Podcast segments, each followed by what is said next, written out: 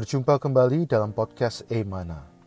Renungan-renungan yang menguatkan iman ini diambil dari tulisan-tulisan, buku-buku, serta karya-karya seorang pelayan Tuhan yang mengasihi Tuhan sampai akhir hidupnya, Saudara Watchmeni.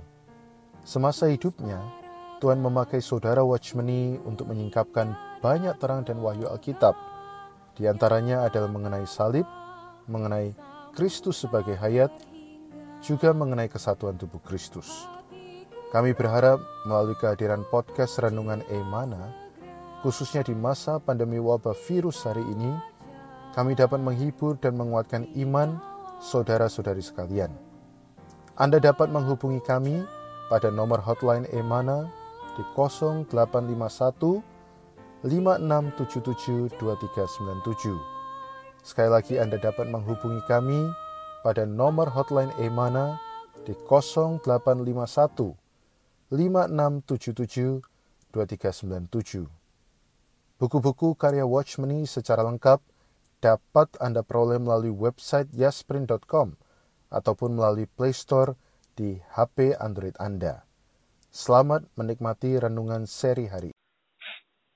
Shalom para pendengar renungan dari podcast Emana Puji Tuhan bahwa hari ini saya dan Saudara Kenny bisa kembali hadir untuk bersama-sama menikmati uh, renungan ini. Khususnya hari ini kita masuk ke dalam seri dari mengenal dan berjalan dalam kehendak Allah. Khususnya seri yang kedua, banyak langkah praktis akan dibicarakan mengenai bagaimana berjalan di dalam kehendak Allah. Hari ini kita masuk ke dalam satu judul ya, yaitu tidak mengambil kitab suci di luar konteks ini merupakan salah satu cara berjalan dalam kehendak Allah. Nah, ayat yang digunakan cukup singkat yaitu Matius 4 ayat 7 dikatakan Yesus mengatakan kepadanya sekali lagi ada tertulis. Saudara ini mungkin bisa jelaskan sedikit fakta Alkitab yang ada di balik ayat ini. Si Tuhan, shalom kepada para pendengar podcast.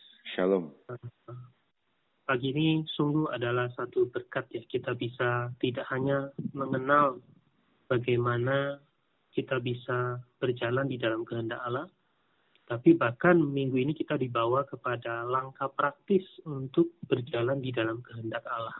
Amin. Banyak orang Kristen ketika ditanya apa sih cita-citamu atau apa apa yang menjadi kedambaanmu?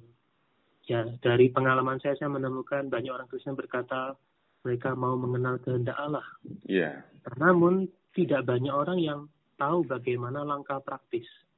Nah, syukur pada Tuhan melalui podcast ini kita dibawa setiap hari satu langkah demi satu langkah. Amin. Pagi ini tentu Saudara Moses sudah katakan bahwa kita akan membahas satu langkah yang praktis yaitu tidak mengambil kitab suci di luar konteks. Betul. Lalu ayat yang kita pakai hari ini adalah Matius pasal 4 ayat 7 saya ingin terlebih dahulu membawa kita sama-sama melihat uh, satu perikop ayat di dalam Matius pasal 4 ya khususnya dari ayat yang pertama sampai ayat yang ke uh, 11 ya. Di sana sebenarnya kalau kita lihat di dalam Alkitab LAI dikatakan ini adalah kisah mengenai bagaimana Tuhan dicobai oleh iblis. Amin. Eh, kisah ini menceritakan Tuhan sebelum dia memulai pelayanannya di atas bumi ini. Tuhan Yesus dibawa oleh roh ke padang gurun untuk dicoba iblis. Betul. Lalu Tuhan sudah berpuasa 40 hari 40 malam dan dia dalam keadaan yang lapar. Artinya uh, Tuhan sudah melewati satu proses yang panjang sehingga dia mengalami kelaparan. Nah, lalu datanglah si pencoba itu dan berkata, jikalau engkau anak Allah, perintahkanlah satu batu itu menjadi roti. Nah, singkat cerita, pencobaan yang pertama adalah iblis meminta Tuhan untuk mengubah batu menjadi roti. Yeah. Tapi mari kita lihat uh, secara fakta bagaimana Tuhan mengalahkan iblis. Yaitu saya bukan mau bahas bagaimana kisahnya, tapi saya ingin menekankan cara Tuhan mengalahkan iblis. Yaitu dia selalu menjawab ada tertulis. Amin. Artinya Tuhan mengalahkan iblis melalui dia mengambil kitab suci. Nah, namun ada unik di dalam pencobaan yang kedua, iblis juga mengambil kitab suci. Betul. Karena di dalam ayat 6, iblis berkata, jika engkau anak Allah, jatuhkanlah dirimu ke bawah. Sebab ada tertulis. Jadi iblis mencoba itu juga mengambil kitab suci. Yeah. Maka dari kisah ini kita melihat ada cara Tuhan Yesus mengambil kitab suci, lalu ada cara iblis mengambil kitab suci. Mungkin Betul. poin nanti kita akan bahas nanti lebih lanjut. Yeah. Saya ingin melanjutkan saja faktanya. Lalu di ayat 7 Tuhan juga uh, mengutip kitab suci. Tuhan mengalahkan iblis juga dengan kitab suci. Betul. Tuhan mengambil lagi kitab suci. Dia berkata, ada pula tertulis, jangan engkau mencobai Tuhan. Nah, kemudian di dalam pencobaan yang ketiga, di sini dikatakan Tuhan uh, dicobai iblis melalui iblis berkata membentangkan, memperlihatkan kepadanya semua kerajaan dunia dan kemegahannya, lalu iblis memerintahkan, semuanya ini akan kuberikan kepadamu jika engkau sujud menyembah. Iya, yeah, betul. Tetapi apa? Bagaimana Tuhan mengalahkan iblis?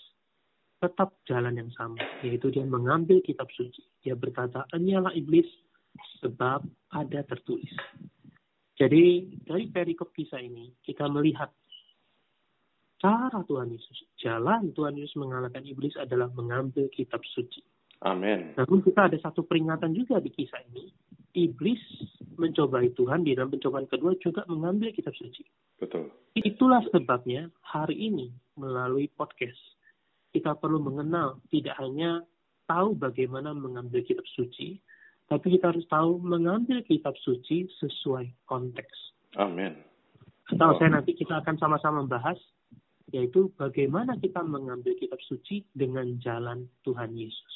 Amin. Puji Tuhan. Ya ini satu uh, pemberitaan wahyu yang besar ya saudara-saudara di mana memang betul kita mendorong saudara-saudara membaca Alkitab tetapi membaca Alkitab yang dimaksud bukan hanya membaca sepotong-potong begitu ya, bukan hanya mengambil beberapa ayat yang sesuai dengan selera kita. Karena jika kita tidak hati-hati, ya iblis juga bisa memilihkan ayat itu bagi kita. Ya kita akan lihat sendiri nanti di uh, cuplikan yang dibaca nanti saudara Kenny akan membawa kita masuk lebih dalam. Dikatakan bahwa kehendak Allah telah dinyatakan sepenuhnya di dalam Alkitab semua orang yang berusaha mengenal kehendaknya bisa menemukan maksudnya mengenai perkara apa pun melalui menyelidiki kitab suci. Tetapi banyak orang beriman yang mengambil satu atau dua ayat dan menganggapnya sebagai kehendak Allah dan bertindak menurutinya. Mereka tidak memperhatikan apa yang dikatakan oleh Alkitab secara keseluruhan mengenai perkara ini. Ini sangat berbahaya. Iblis bisa menggoda dengan mengutip kitab suci jika kita ingin mencari kehendak Allah, jangan mengambil hal-hal di luar konteks. Jangan memilih beberapa ayat secara acak dan mengira bahwa itu adalah pengajaran dari Alkitab. Iblis dapat menggunakan berbagai ayat secara terpisah untuk menipu manusia, menyebabkan manusia hanya mendengar satu sisi kebenaran. Ini yang tadi Saudara Kenny mengatakan, mari kita memilih ayat sesuai dengan kehendak Allah atau cara cara Tuhan ya. Amin. Jadi eh, memang di sini ada satu peringatan ya dari Saudara Wasmani berkata bahwa jika kita mengambil kitab suci tidak secara menyeluruh, ini sangat berbahaya. Yeah. Berbahayanya adalah kita bisa bukan menempuh jalan kehendak Allah, tetapi malah kita mengambil jalan iblis.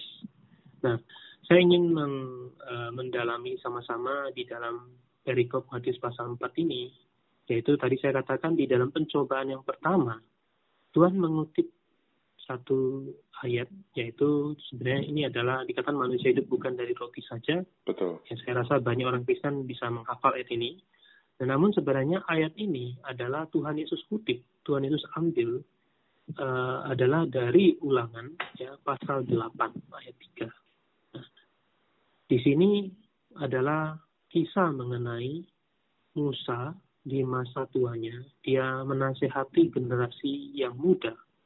Dia menceritakan pengalaman bangsa Israel selama di padang gurun. Bagaimana Allah menyediakan ya kebutuhan pada mereka melalui menurunkan mana. Ya. Yeah. Lalu Musa menasihati. Melalui pengalaman ini Musa menasihati generasi yang kedua, generasi yang muda dikatakan manusia hidup bukan dari roti saja. Jadi kalau Tuhan mengutip ayat ini, maka untuk mengalahkan iblis, khususnya iblis mencobai Tuhan mengenai mengubah batu menjadi roti, maka Tuhan mengutip firman Tuhan untuk mengalahkan iblis. Amin.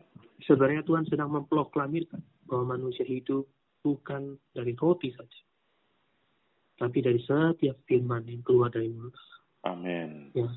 Tuhan mengutip perkataan Musa, di mana Musa memperingatkan kepada generasi muda bahwa mereka bisa hidup sampai pada hari itu bukan mutlak karena mereka telah makan mana, tapi karena mana ini adalah bersumber dari Allah. Karena ada firman Allah Ya. yang sudah berjanji, Allah akan berjanji memberikan mana, maka mereka bisa hidup. Ini adalah cara Tuhan mengambil kitab suci. Betul. Jadi ketika iblis meng- menggodai mengenai roti, maka Tuhan mengambil firman Tuhan di dalam ulangan pasal. Lalu kita lihat di pencobaan kedua, iblis mengutip eh, perkataan di dalam kitab Mazmur. Inilah yang salah satu contoh bagaimana mengutip firman Tuhan dengan di luar konteks. Ya. Karena sebenarnya kalau kita membahas melihat bahwa ini adalah kutipan di dalam Mazmur pasal 91 ayat 11 sampai 12. Ini adalah kisah ini adalah mengenai Mazmur tentang bahwa Allah menyediakan malaikat-malaikat Ya. untuk melindungi umatnya kita dari iblis dan roh jahat. Tetapi justru iblis memakai ayat ini untuk mengalahkan Tuhan. Betul. Jadi kita melihat iblis mengutip firman Tuhan dengan kepentingannya sendiri untuk menjatuhkan Tuhan. Bukan untuk mengalahkan ya yang jahat. Ya. Jadi iblis mengutip firman Tuhan ini untuk kepentingannya sendiri.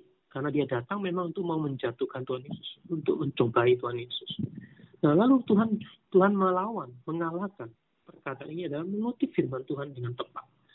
Dia mengutip firman Tuhan, yaitu dia berkata, janganlah mencobai Tuhan Allahmu. Ini adalah kutipan di dalam ulangan pasal 6 ayat 16. Ya.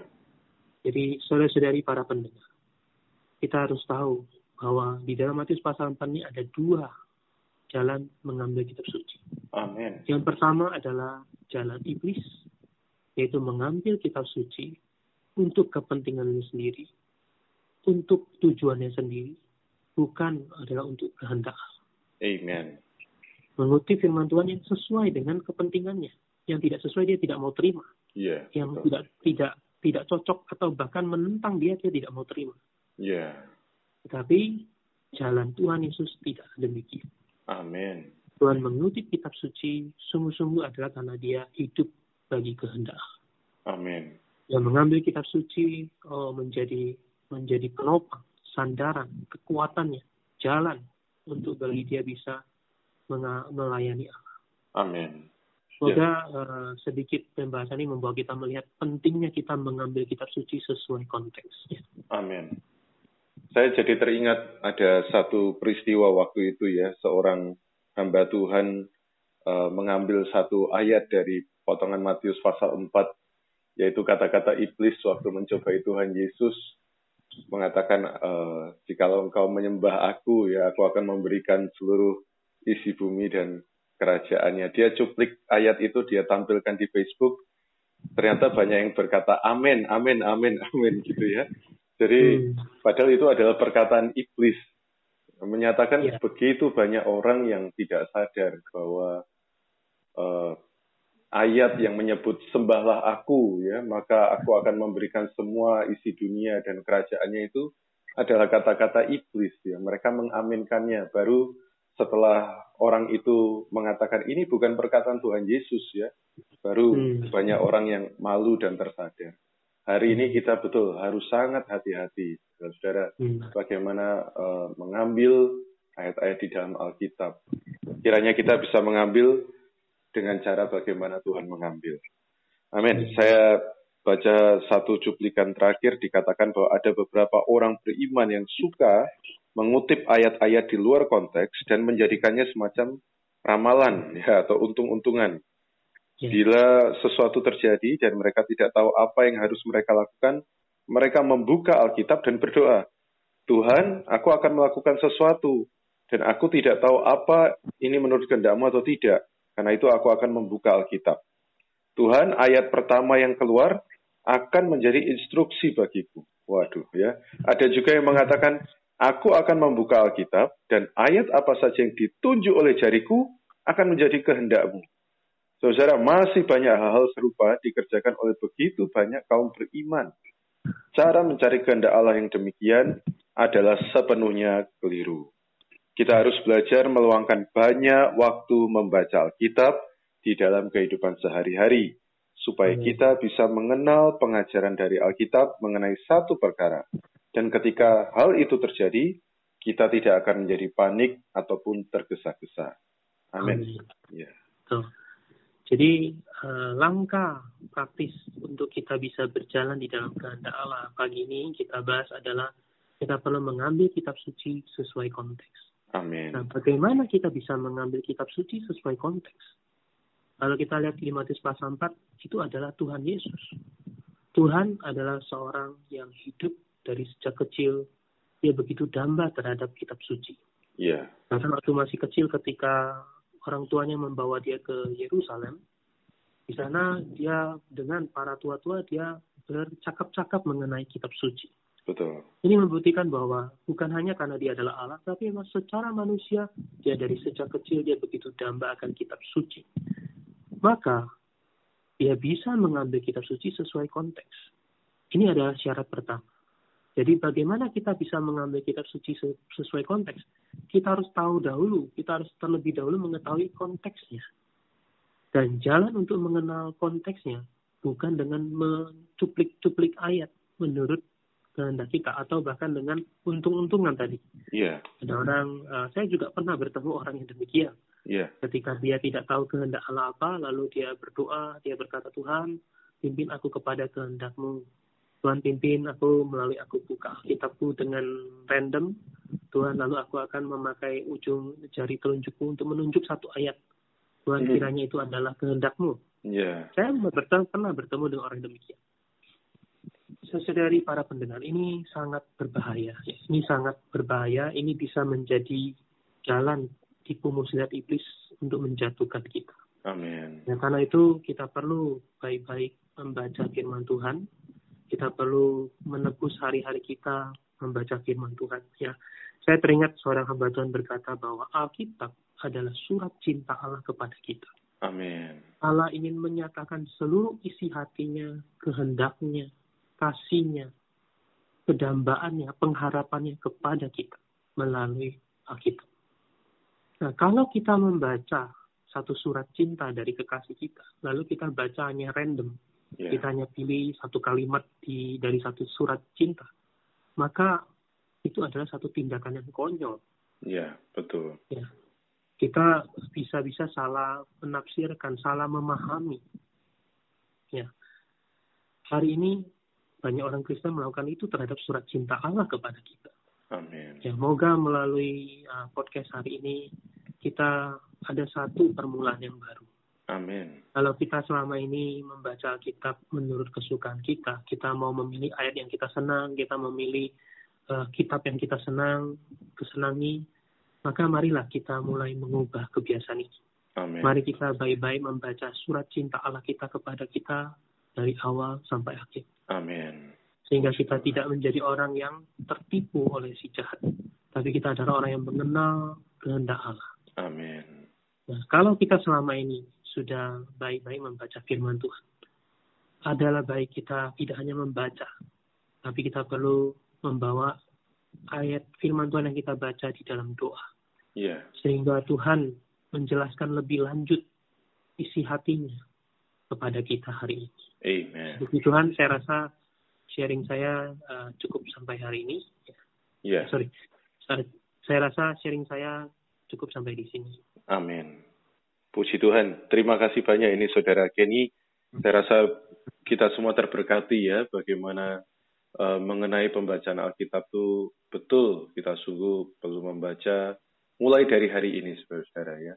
Mumpung masih ada kesempatan kita baca secara menyeluruh, tidak perlu mungkin langsung satu pasal dua pasal Anda ambil satu porsi dua porsi, nanti lama kelamaan Anda bisa makin bertambah maka Anda akan memahami Alkitab secara menyeluruh. Baik, kita boleh tutup uh, podcast hari ini dengan doa. Kami minta Saudara Kenny bisa mendoakan kita semua jadi orang-orang yang berjalan di dalam kehendak Allah melalui membaca firman-Nya. Amin. Mari kita berdoa. Tuhan Yesus, kami mengucap syukur betapa Engkau mengasihi kami. Iya. Kau tidak hanya Tuhan datang menjadi manusia, mati di atas kayu salib, mencucurkan darah, mengorbankan dirimu, menebus kami orang dosa. Lebih-lebih Tuhan kau mengutarakan isi hatimu, kehendakmu kepada kami, melalui engkau memberikan firman yang tertulis. Amin. Tuhan, oh kami mau Tuhan kembali mempersembahkan waktu-waktu kami ke depan. Iya. Tuhan jadikan kami menjadi orang yang mendambakan firman Amen. Kami mau belajar mulai hari ini membaca firman tidak menurut kesenangan kami, Iya. tidak menurut alamiah kami, tidak menurut kepentingan kami. Tapi kami mau belajar mulai membaca firman-Mu dengan dasar hati yang mengasihi Engkau. Amin. Tuhan ajarilah kami menjadi para pembaca firman Tuhan yang mengasihi Engkau. Amin. Jadikan kami menjadi para pengasih-Mu yang setiap hari membaca surat cintamu kepada kami secara berurutan, secara menyeluruh. Amin. Tuhan kami tidak mau terkena tipuan iblis yang berusaha membuat kami keliru memandang firman. Tuhan, karena itu pimpinlah kami. Tuhan, kami berdoa, kami mohon Tuhan di dalam namamu yang terus memelihara, menjaga kami. Tuhan, pimpinlah kami juga di dalam hal perkara membaca Alkitab.